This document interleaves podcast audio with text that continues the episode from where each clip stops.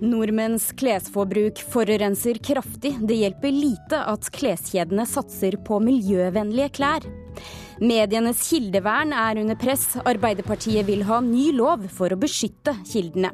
Og publikumsfavoritten Burning er tilbake, med mer fart og tøffere stunts enn originalen. Velkommen til Kulturnytt. Mitt navn er Stine Tråholt. 359 plagg er innholdet i et gjennomsnittlig norsk klesskap. Ifølge eksperter er miljøkonsekvensene av klesforbruket vårt enorme. Og det hjelper lite at kleskjedene lanserer bærekraftige kolleksjoner. For vi, vi bare fortsetter å kjøpe mer klær. Hvor ofte er du ute og handler? Å, det er sjeldent. Hver måned i hvert fall, så må jeg ut og shoppe noe nytt. Jeg vet ikke, kanskje tre ganger i uka eller noe. Dessverre. At norske klesvaner utgjør en enorm miljøbelastning, det er det ingen tvil om. Det mener Arild Hermstad, leder i Fremtiden i våre hender. Klimagassutslippene fra det totale klesforbruket i Norge det tilsvarer omtrent 800 000 biler. Så Det betyr at det er enormt store miljøbelastninger. Ja, Den aller største utfordringen vi har på klessiden, det er at vi stadig øker mengden eh, klær. Det sier Ingunn Grimstad Klepp. Hun har forsket på klesforbruk i 20 år, og i rapporten 'Klesforbruk i Norge' har hun funnet at nordmenn i gjennomsnitt eier 359 plagg hver. Og hvert femte av disse plaggene blir aldri eller sjelden brukt noe av forbrukets eh, logikk, så ligger dette med å være økonomisk og sparsommelig og få mye for pengene og, og være flink forbruker. Både Klepp og Hermstad mener det er på tide at klesbransjen endres. Noen endringer er alt i gang. Stadig flere billigkjeder lanserer nå egne miljøvennlige kolleksjoner, sist ut ved Remoda, som slipper sin grønne kolleksjon i slutten av oktober. Det er jo et eh, paradoks. På den ene siden så er det bra at alle gjør en innsats for å få eh, miljøbelastningene ned. På den annen side så er det slik at de eh, billige klærne og den, skal vi si eh, voldsomme salget av tilgjengeligheten av billige klær er jo selve problemet som må endres. Dessverre så er det jo eh, bare en bitte liten del av en stor produksjon. Eh, og jeg tror det brukes for å få oss inn i butikken til å tenke at eh, ja, dette kan gi mer salg, at vi får en positivt omdømme. Men jeg mener at hele bransjen må se kritisk på sitt eget miljøavtrykk og, tenke at de skal være en, en bransje som ikke bidrar til miljøødeleggelser. Og da har de en veldig lang vei å gå. Vi gør det for at skape et positivt billede av oss selv, men det er bestemt ikke hovedårsagen. Det sier Katrine Millmann i danske bestselger som eier Veromoda. Hun mener det er paradoksalt at de får kritikk for sin nye kolleksjon. Vi har et ordspråk ordsprog i Danmark som, som heter at det beste er det godes verste fiende. Så når man gjør noe godt, så blir man kritisert for det man ikke gjør. Det syns jeg jo er så paradoksalt. Og mens klesbransjen og miljøekspertene er uenige seg imellom, så fortsetter handelen i klesbutikkene. Hva plagger du på jakt etter? Eh, nå ser jeg etter ting som jeg kan ha på jobb. Det er liksom hovedtanken. Men så håper jeg at, det, at jeg kan finne en sånn balanse, at jeg kan bruke det i hverdagen. At det ikke blir altfor formelt. Hvis noe er merket med miljøvennlig, får du mm. mer lyst til å kjøpe det da? For å være helt ærlig, jeg bryr meg veldig lite.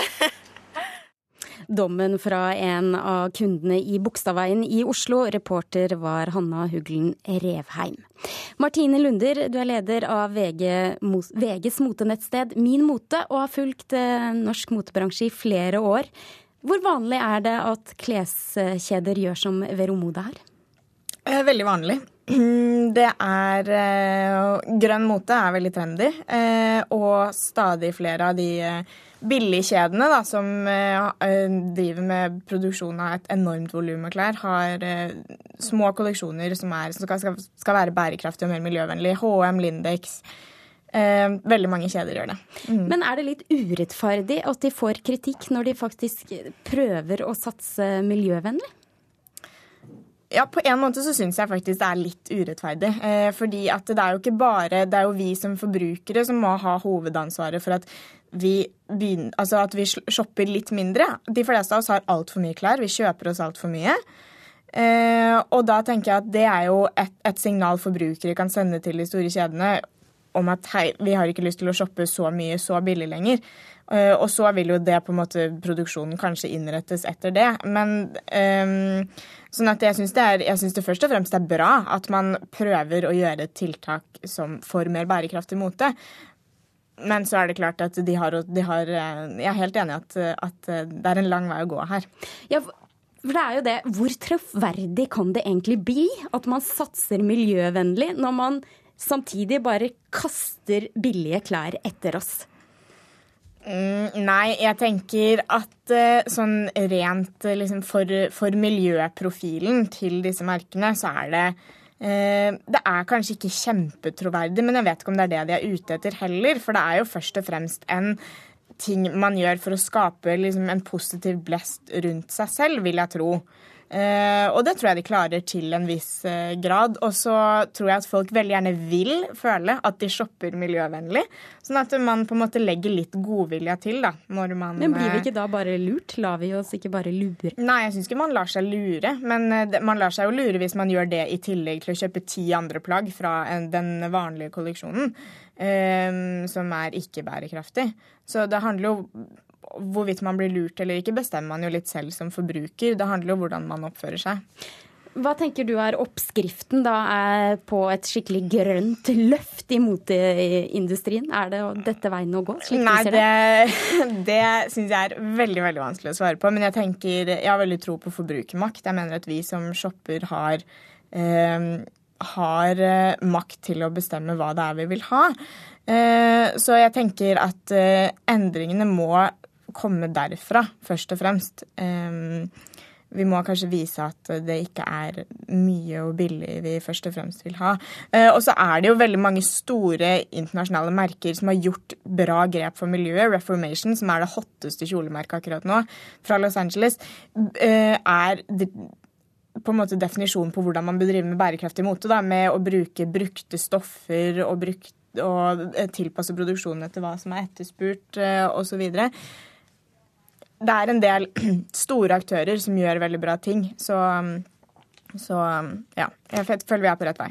Og Er dette et blaff, eller er det en retning som du ser også fremover? Mm, dette er i hvert fall ikke nytt. Det, det med miljøvennlige mote- og skjønnhetsprodukter har vel egentlig vært en trend i flere år, som ennå ikke har gått over. Det er veldig mye fokus på miljø på, på generell grunnlag om dagen, og jeg tror det er noe man lar seg påvirke av. og Derfor så tror jeg ikke, i hvert fall per nå, at det er et, eh, noe som vil gå over, nei. Tusen takk, Martine Lunder, leder av VGs motenettsted Min Mote. Og inn i studio har reporter Philip Johannesborg kommet. Eh, du har lest avisene og sett at de også i dag er opptatt av Jens Stoltenbergs eh, nye bok og hans gode royalty-avtale. Det stemmer. Bråket rundt Jens Stoltenbergs nye bok og hans hæravtale er fortsatt ikke over. Nå vil Fremskrittspartiets kulturpolitiske talsperson Ib Thomsen ta opp Stoltenbergs bokavtale med kulturministeren. Eh, det melder i hvert fall Dagens Næringsliv. Lørdag kunne da samme avis melde at Jens Stoltenberg hadde brukt tidligere advokat Knut Brundtland til å forhandle frem en betydelig høyere royalty-sats for selvbiografien eh, Min historie, heter den. Vanligvis i de normale kontraktene til norske forfattere så står det at eh, forfatteren skal få 13% av royaltyen for et opplag på 3000 eksemplarer. Etter det skal den da øke til 15 og hva er det Frp reagerer på? Jo, det Ib Thomsen reagerer på, eh, er han sier i hvert fall til Dagens Næringsliv at eh, norske forlag heller bør kutte prisen på bøker enn å betale høye honorarer. Han reagerer på at forlagene og bokhandlerne har en avtale om å selge bøker til samme pris første året. Eh, avtalen som han viser til, er jo den såkalte Bokavtalen, en samarbeidsavtale mellom forlagene og bokhandlerne. Og Thomsen oppfordrer også forlagene da til å fortelle om hvor mange særavtaler de har med de forskjellige forfatterne. Til Dagens Næringsliv sier Gyllendal at de ikke vil kommentere avtaler de har med sine forfattere, men de innrømmer at slike særavtaler som Stoltenberg da har fått, finnes. Likevel tilhører det sjeldenhetene. Tusen takk for den orienteringen, Philip Johannesborg. Du hører på Kulturnytt, og klokken er 13 minutter over åtte. Dette er hovedsakene i Nyhetsmorgen. Folk som har oppholdt seg ulovlig i Norge i fem år eller mer, bør få lov til å jobbe, mener biskop emeritus Trond B. Jørgensen, som styreleder i organisasjonen Mennesker i limbo. Det er helt uaktuelt, svarer innvandringsminister Sylvi Listhaug. Konsekvensene etter den fem uker lange legestreiken er dramatiske, og situasjonen på sykehusene fremover blir krevende. Det sier pasientombud i Oslo og Akershus, Annelise Christensen. Tungtransport er involvert i hvert tredje dødsfall på norske veier, viser en rapport fra Transportøkonomisk institutt, gjengitt i Aftenposten. I forhold til befolkningstall har Norge langt flere omkomne i ulykker med tunge kjøretøyer enn gjennomsnittet i Europa. Og her i Kulturnytt så skal vi gå videre til eh, en nytt forslag om en ny lov. Arbeiderpartiet vil hindre norske myndigheter i å etterforske hvem som er medienes kilder. Det, de viser til den såkalte Rolfsen-saken, der regissør Ulrik Imtias Rolfsens råmateriale ble beslaglagt av PST i forbindelse med en dokumentarfilm han laget om rekruttering til terror. Og nå får de støtte av Norsk redaktørforening. Det er all grunn til å glede seg over Høyesterett sin utmerkede kjennelse i den saken. Men det er også grunn til å minne om at denne saken uansett har hatt en nedkjølende effekt på potensielle kilder sin mulighet til å gi informasjon.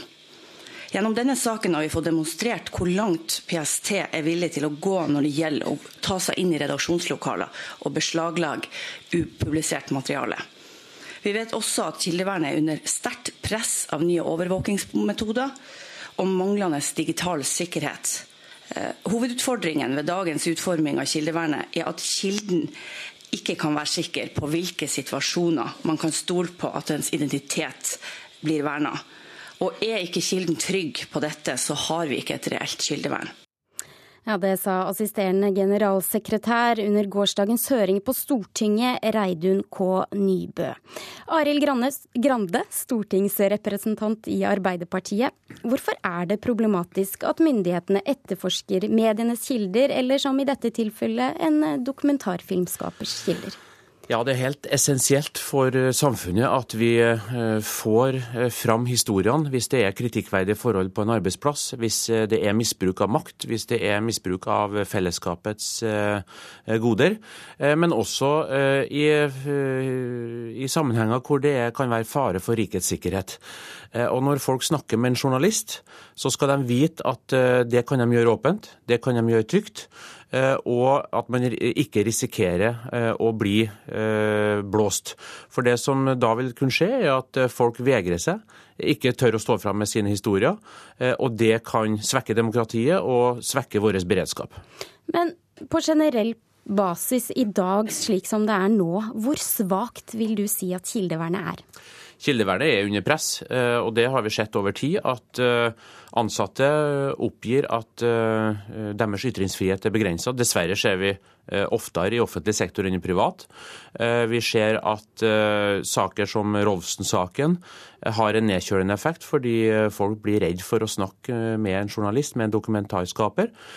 Og vi ser at også at lovverket er for fragmentert. Eh, og Derfor ønsker vi å samle lovverket i en helt ny eh, eh, lov, men også tydeliggjør at redaktørene har en plikt til å beskytte sine kilder, slik at man trygt kan stå fram med sin historie. Kårstein Eidem Løvaas, stortingsrepresentant for Høyre. Er dagens kildevern for svakt, slik du ser det? Eh, jeg syns ikke i utgangspunktet at vi kan konkludere med at dagens kildevern er for svakt. Jeg er enig med, med, Grande i at det er essensielt at eh, kilder føler at de kan komme med informasjon når det er nødvendig. Men det er like essensielt at myndighetene kan drive etterforskning av alvorlige lovbrudd. Og denne balansen her, den vil man neppe noensinne komme i en helt perfekt likevekt. Men jeg syns Rolfsen-saken er et godt eksempel på at det faktisk fungerer, fordi Høyesterett satte fokus foten ned og sa at vet du hva, dette kan man ikke gjøre eh, når man etterforsker. Eh, og det er en bekreftelse på at kildevernet står sterkt. Men at vi trenger et sterkt kildevern, det er det ingen tvil om. Og det gjelder både vis-à-vis mediene, men for så vidt også, som Grande så vidt var inne på, på arbeidsplasser. Det skal være lov å si fra om ting som er farlige, som er ulovlige, som krever nærmere granskning. Ja, Rolfsen-saken blir trukket fram som et godt eksempel, det motsatte av det du tenker, Grande? Ja, Vi er jo glad for eh, dommen i Høyesterett, eh, men vi skal være klar over at eh, for det første så var skaden allerede skjedd idet politiet beslagla materialet. Da tørker kildene ut. Da blir folk redd for å snakke med en dokumentarskaper. Men det andre er at Høyesterett også tydeliggjør at eh, det norske lovverket ikke er godt nok i forhold til internasjonale forpliktelser, eh, og at det derfor egentlig dokumenteres også fra Høyesterett at det Arbeiderpartiet ønsker nå med å samle dette inn i en medieansvarslov, det er riktig vei å gå, fordi vi må tydeliggjøre at vi har et kildevern som skal sikre at folk kan komme med sine historier uten frykt for at de både blir etterforska, men også at de, deres identitet blir gjort kjent. Og Det er viktig at vi får, eh, og ønsker å få et flertall for i Stortinget. Forslaget fra eh, Arbeiderpartiet som ligger til behandling i Stortinget nå, har en del gode ting ved seg. Bl.a. Eh, handler det om teknologinøytralitet. Vi har et lovverk som nok er utdatert i den forstand at det ikke omfatter f.eks. digitale medier. Men, men, vi kan heller ikke komme dit at, at kildevernet blir absolutt, som noen eh, nevnte under gårsdagens høring. Altså Det finnes situasjoner, f.eks. nær forestående akutt terrorhandling eller andre ting, hvor man faktisk må kunne få lov til som myndighet å sikre landets interesse. Altså Det handler om nasjonens sikkerhet. det også på lik linje som, eh, som det som en kilde kanskje sitter inne med. Ja, og Disse tilfellene gjør det jo hele ganske komplisert, Grande. Hva med rikets sikkerhet? Ja, og det er enkelte som hevder at det er en motsetning mellom et effektivt kildevern og eh, beredskap. Men jeg vil si det er motsatt. Eh, hvis vi ikke får eh, disse fortellingene fram, som vi f.eks. ser i Rolfsen-saken, så kan jo nettopp eh, samfunnsberedskapen bli svekka. Og jeg mener at et styrka kildevern vil øke samfunnsberedskapen. Men det er selvfølgelig avgrensninger her, og det er jo Redaktørforeningen og flere som er opptatt av dette spørsmålet, helt innforstått med. Det føler jeg meg trygg på, at vi finner de riktige balansegangene der. for det helt åpenbart at ved alvorlig lovbrudd, eh, rikets sikkerhet og slike ting, så, så, så, må man ha en åpning for uh, å kunne gå inn. Men det som er det essensielle her, er at det er særlig rundt omkring på arbeidsplassene, rundt omkring i norske kommuner, eh, i offentlig sektor, mange som i dag ser kritikkverdige forhold. Det er stemmer som vi trenger kommer fram i lyset, eh, og fortellinger som må komme fram i lyset. Og de stemmene må få lov til å komme fram uten at folk skal bli redd for at identiteten deres blir røpa, eller at de blir utsatt for eh, etterforskning. Og Det er Grande og jeg helt enig i, og vi har utrolig mye kunnskap på dette området. Det er utallige utredninger som har vært gjort helt opp til nylig, og disse ligger nå i departementet departementet og statsråden har sagt at hun skal komme tilbake igjen til Stortinget ja, og, og samle, disse, samle, disse, trådene. Det kan mm. godt hende man gjøre noen justeringer i dagens lovverk, men at det er behov for en ny lov, det, det tror jeg ikke, i alle fall ikke per i dag. Ok, der eh, er vel dere da tydeligvis uenige. Tusen takk eh, for at dere var med, Arild Grande fra Arbeiderpartiet og Kårstein eh, Eidem Løvaas fra Høyre.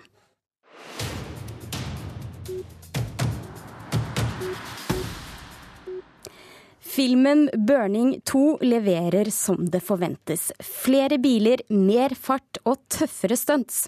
Oppfølgeren er på høyde med originalen, mener vår anmelder Birger Vestmo. Velkommen ut, Dag Gundersen. Temmelig fire biler og kjør mot oss. Handlinga i Burning 2 er kanskje tynn som et blankslitt dekk, men det her er da heller ikke en type film som trenger en nyansert historie med mange fasetterte figurer.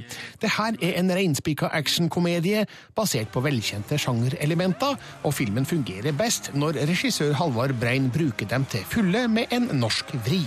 Moroa har en tendens til å stoppe opp når det dveles litt for lenge ved mellommenneskelige forhold, der tonen krasjer med den ellers gjennomgående lettheten. Heldigvis leverer Burning 2 mest av det som forventes, nemlig flere biler, mer fart og tøffere stunts, slik at oppfølgeren er på høyde med originalen. Det her er eh, Charlie, typen min.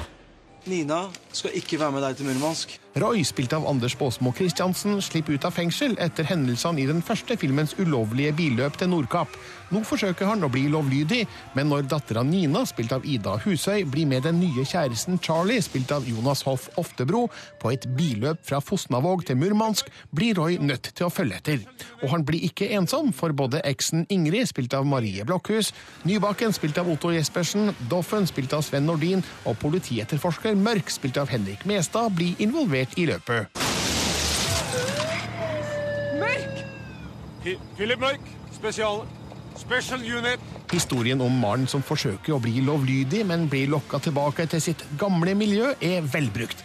Det er ikke her at Burning 2 utviser originalitet, ei heller med stilig filming og heftig lydlegging av lekre biler i høy hastighet, alt gjort med høy kvalitet. Nei, det er bruken av uvante innspillingssteder som gir Burning 2 et snev av originalitet.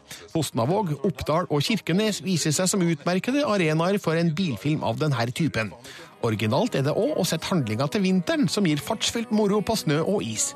Kjøringa er tøff og i enkelte tilfeller direkte spektakulær, med en skibakke i Oppdal og kappløp med en isbryter som høydepunkter. Vet du hva problemet ditt er, da? Du er ressurssvak.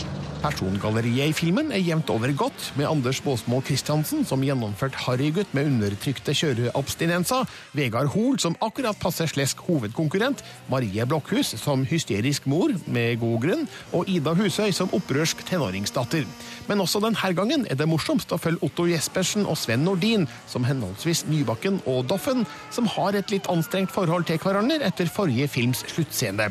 Historien i Burning 2 har kanskje noen tonale ujevnheter, og humoren sitter ikke like godt hele veien, men den har fine figurer som det går an å ha mer moro med. Norge har flere veier som det går an å kjøre bil på. Du skulle ikke tilfeldigvis vite om en ikke-visumvei til Russland? En ikke-visumvei.